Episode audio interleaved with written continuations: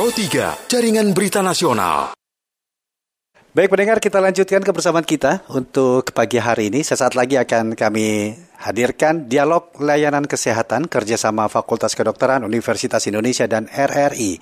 Dan nanti Anda juga dapat berinteraksi bersama kami dalam dialog layanan kesehatan dan tema yang akan kami angkat pada dialog layanan kesehatan untuk pagi hari ini adalah pentingnya pemeriksaan forensik pada pasien di Fasyankes atau fasilitas layanan kesehatan yang diduga korban tindak pidana. Dialog Kesehatan. Dan juga kami sudah tersambung bersama dengan narasumber kami, Dr. Muhammad Ardian Syaifuddin, SPFM, dari Departemen Ilmu Kedokteran Forensik dan Medico Legal.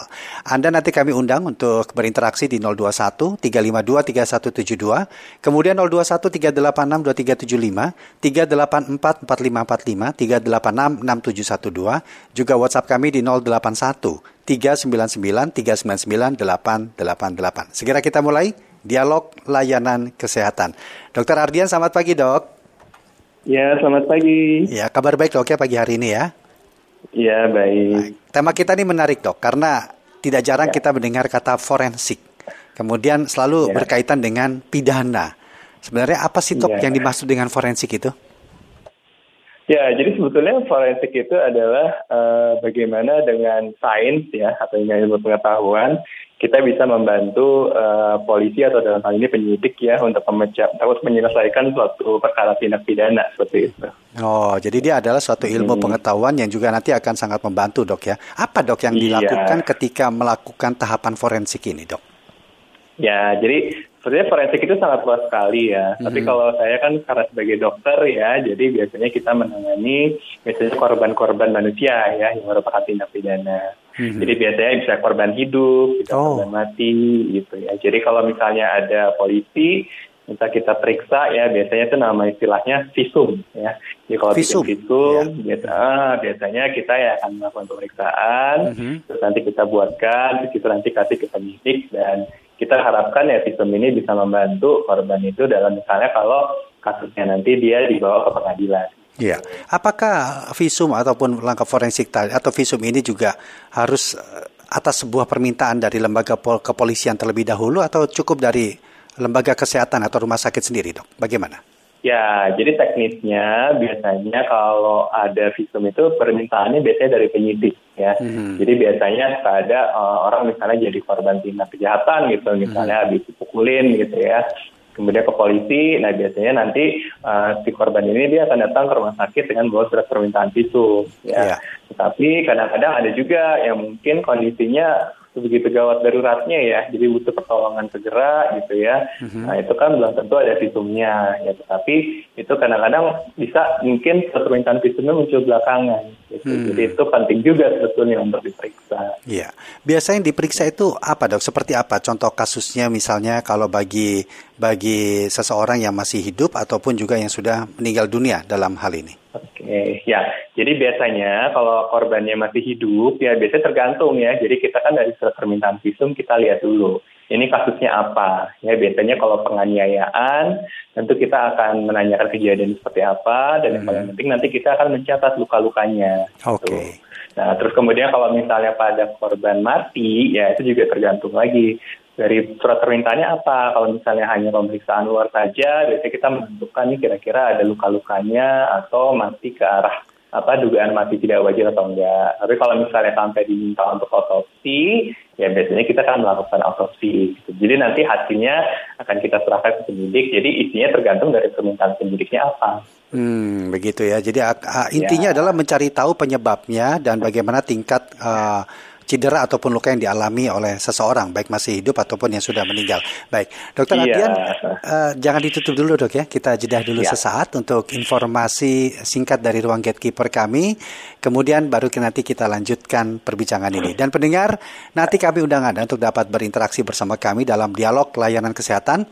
Silakan nanti hubungi kami di 021 352 3172, kemudian 386 2375, 384 4545 dan juga di 3866712 serta WhatsApp kami 081 399 399 888.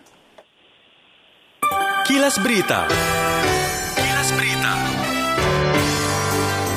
Mahkamah Agung mengumumkan delapan hakim ad hoc pengadilan uh, hak asasi manusia HAM di tahun 2022.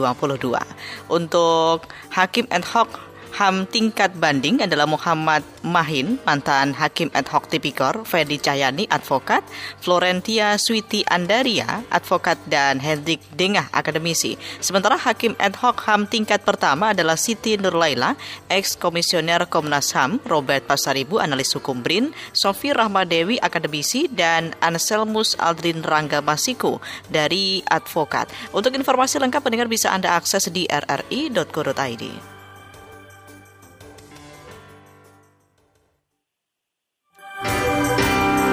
Berita.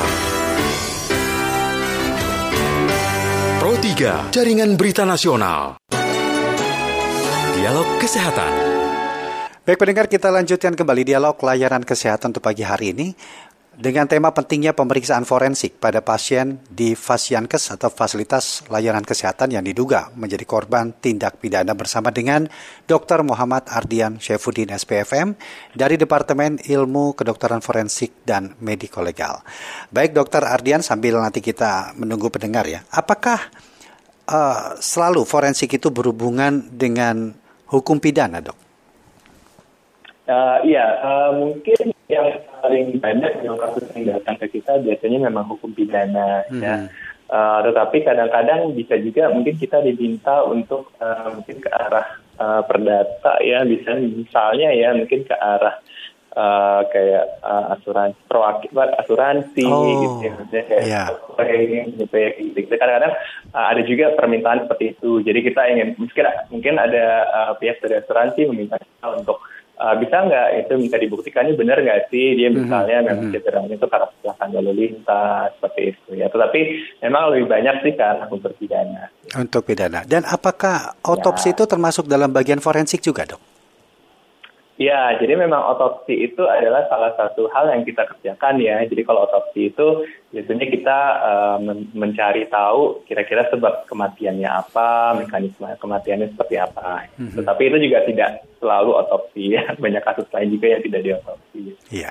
Ya. Kan sering kita dengar dok ya, eh, langkah-langkah forensik yang dilakukan itu oke okay lah kalau memang itu akibat dari kekerasan yang terjadi mengakibatkan seseorang meninggal dunia uh, itu mungkin. Tetapi kalau memang ada hal-hal lain katakanlah demikian yang harus pemeriksaan melalui organ tubuh apakah itu juga tingkat akurasinya akan sangat membantu dalam proses peradilannya nanti dok Oh iya, jadi memang tentu kita harus uh, melakukan pemeriksaan itu memang pertama kita harus memang teliti ya. Hmm. Jadi kan memang kadang-kadang kan uh, mungkin gini kadang-kadang misalnya kayak pada kasus ditemukannya jenazah seperti yeah. kan biasanya memang wajar ya kalau penyidik minta kita cari tahu ini ada dugaan mati nggak wajarnya atau enggak gitu ya. Tapi kan kalau misalnya tidak kita sudah bisa singkirkan, ya mungkin kita bisa cari tahu mungkin ada tanda-tanda ke arah penyakit atau enggak gitu ya. Itu juga bisa kita lakukan.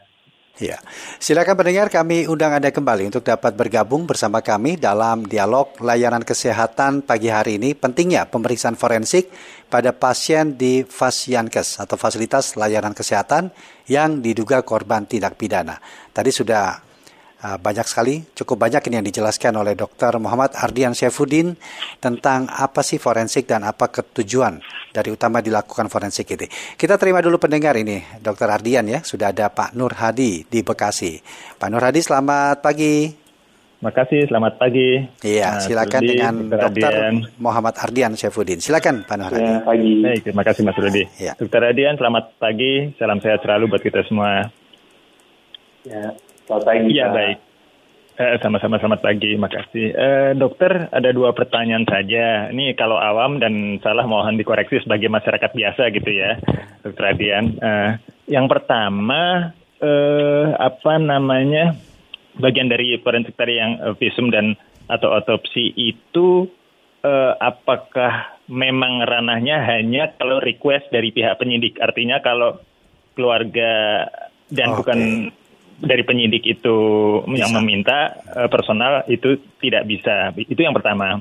Yang kedua agak melebar sedikit dan barangkali bagian dari forensik atau enggak mohon dikoreksi tes DNA, dokter dan uh, Bung Rudi. Yang saya kami mau tanyakan adalah yang agak menyedihkan biasanya tes DNA terjadi kalau itu sudah post uh, mortem. Artinya udah kondisi susah baru dilacak-lacak gitu. Nah, dimungkinkan tidak kalau orangnya itu memang antemortem artinya kondisi uh, normal biasa dia hmm. mempunyai sebagai bagian dari medical recordnya dalam okay. tanda kutip begitu sehingga uh, hanya sebagai rapot saja mudah-mudahan tidak terjadi apa-apa tapi kalau terjadi apa-apa udah nggak perlu proses yang lama tes DNA kembali ya. begitu. Baik. Nah, itu bagaimana pertimbangannya? Terima kasih, selamat pagi. Semua. Terima kasih Pak Nurhadi. Ini menarik sekali ya, pertanyaannya. Apakah memang request dari uh, forensik baik itu visum ataupun otopsi terutama itu memang harus permintaan dari uh, penyidik atau memang bisa secara personal, katakanlah dari pihak keluarga? Bagaimana nih dok? Ya, uh, kalau memang sehari-hari biasanya memang dari penyidik ya. Tetapi begini, kadang-kadang bisa juga ya kalau pada kasus mayat ya, misalnya uh, uh, mungkin uh, dia pengen cari tahu dulu gitu ya. Ada istilahnya otopsi klinis ya. Otopsi mm -hmm. klinis itu memang tidak membutuhkan permintaan visum dari penyidik ya. Tetapi itu juga perlu kita uh, edukasi dulu gitu ya. Jadi sebetulnya nih kita uh, misalnya ibu maunya ini diotopsi untuk kepentingan apa gitu. Apakah ke arah kepentingan ada dugaan tindak pidana seperti itu. Jadi kalau misalnya memang diotopsinya emang karena merasa ada dugaan tindak pidana, mungkin sebaiknya dilaporkan dulu ke penyidik gitu. Jadi sebaiknya sih otopsinya dengan ada surat permintaan visum. Gitu. Tapi kalau misalnya memang, tapi itu tidak wajib ya. Jadi kalau misalnya memang pengen, oh cuma pengen tahu aja gitu, ini benar nggak sih meninggalnya karena sakit X gitu. Nah itu sebetulnya bisa ya kita ya. lakukan otopsi. Baik. Kemudian yang kedua tadi mengenai tes DNA. Kenapa sih tes DNA ya. selalu uh, dilakukannya itu ketika dalam kondisi sulit atau post mortem? Mungkin tidak di antemortem atau dalam kondisi kita normal sehingga setiap dari kita itu memiliki medical record sehingga nanti memudahkan jika terjadi sesuatu. Gimana dok? Oh iya, ya. Uh, jadi sebetulnya kan tes DNA itu sebetulnya tergantung ya tujuannya kan untuk apa gitu ya. Hmm. Uh, mungkin kalau yang didengar untuk tes DNA postmortem, nah seperti itu mungkin itu kayak untuk misalnya tujuannya untuk identifikasi ya. Jadi untuk menentukan ini jenazahnya, uh, misalnya misalnya jenazah tidak dikenal ya, yang misalnya pengen diketahui ini siapa identitasnya. Ya. Tetapi sebetulnya kalau misalnya kita mempunyai semacam kayak bank data DNA itu ya sebetulnya uh, aja ya, cuman ya sebetulnya kan uh, uh, mungkin kan ada kayak semacam kan harus disimpan segala macam dan juga ada biayanya juga dan menurut saya sih uh, boleh ya, tetapi itu kalau kita tidak punya juga tidak apa-apa sih. Ya. Untuk fasilitas pendukung dalam melakukan forensik apa pun itu, hmm. uh, bentuknya itu juga sudah cukup memadai dok di setiap daerah kita atau memang hanya di tempat-tempat tertentu, di fase yang tertentu saja yang bisa? Ya, ya. Jadi untuk pemeriksaan forensik itu memang sebaiknya kan dilakukan oleh dokter forensik ya. Tetapi memang dokter forensik ini biasanya memang hanya masih terpusat di rumah sakit-rumah sakit saja ya. Uh, tapi kadang-kadang kalau untuk pelayanan misalnya pemeriksaan visum luka ya pada korban hidup itu bisa ya dilakukan untuk dokter uh, oleh dokter umum juga bisa ya karena jadi untuk mahasiswa yang sudah lulus yang menjadi dokter itu sebetulnya bisa melakukan. Hmm, iya iya. Jadi sebenarnya bisa dok ya untuk untuk ya. bagi seseorang yang merupakan atau pasien yang masih hidup itu masih bisa dilakukan. Kalau untuk ya. langkah-langkah lainnya apa yang biasanya menjadi kendala ataupun kesulitan ataupun hambatan lah dalam mengungkap penyebab uh, peristiwa ataupun kematian seseorang? Oke, okay. uh, eh, biasanya sih kalau ini ya, kalau kondisi jenazahnya itu sudah terlalu lama ya. Jadi kan uh, jenazah itu uh, dia suka dia akan mengalami namanya perubahan postmortem ya atau misalnya kayak pembusukan seperti itu ya. Jadi kalau misalnya jenazahnya itu terlalu membusuk itu tentunya organ-organnya pun juga sudah berubah. Ya. Hmm, Jadi iya, kadang-kadang yeah, kita luka-lukanya mungkin sudah semakin sulit untuk ditemui, itu cedera pada organ-organnya juga sudah semakin tidak terlihat. Ya. Jadi kalau semakin fresh jenazahnya, ya itu artinya semakin lebih mudah kita untuk menentukan kira-kira sebab kematiannya apa. Baik. Dokter Ardian, terima kasih banyak dok ya sudah bergabung meluangkan waktu dalam dialog layanan kesehatan, nambah ilmu baru nih, nambah pemahaman baru nih akhirnya kita tentang ya, dunia ya, forensik. Ya, ya, Jadi ternyata ya. sangat dibutuhkan sekali, terutama dalam yang berkaitan ya. dengan uh, kasus-kasus uh, pidana. Mudah-mudahan nanti dengan kemajuan teknologi ini pun juga bisa semakin mempercepat atau mempermudah proses penyelidikan ke depannya. Terima kasih Dokter Ardian ya, ya. sudah berbincang dalam dialog layanan kesehatan pagi hari ini. Selamat pagi, salam sehat, salam tangguh dok pagi. Demikian tadi dialog layanan kesehatan bersama dengan Dr. Muhammad Ardian Syafudin SPFM dari Departemen Ilmu Kedokteran Forensik dan Medikolegal.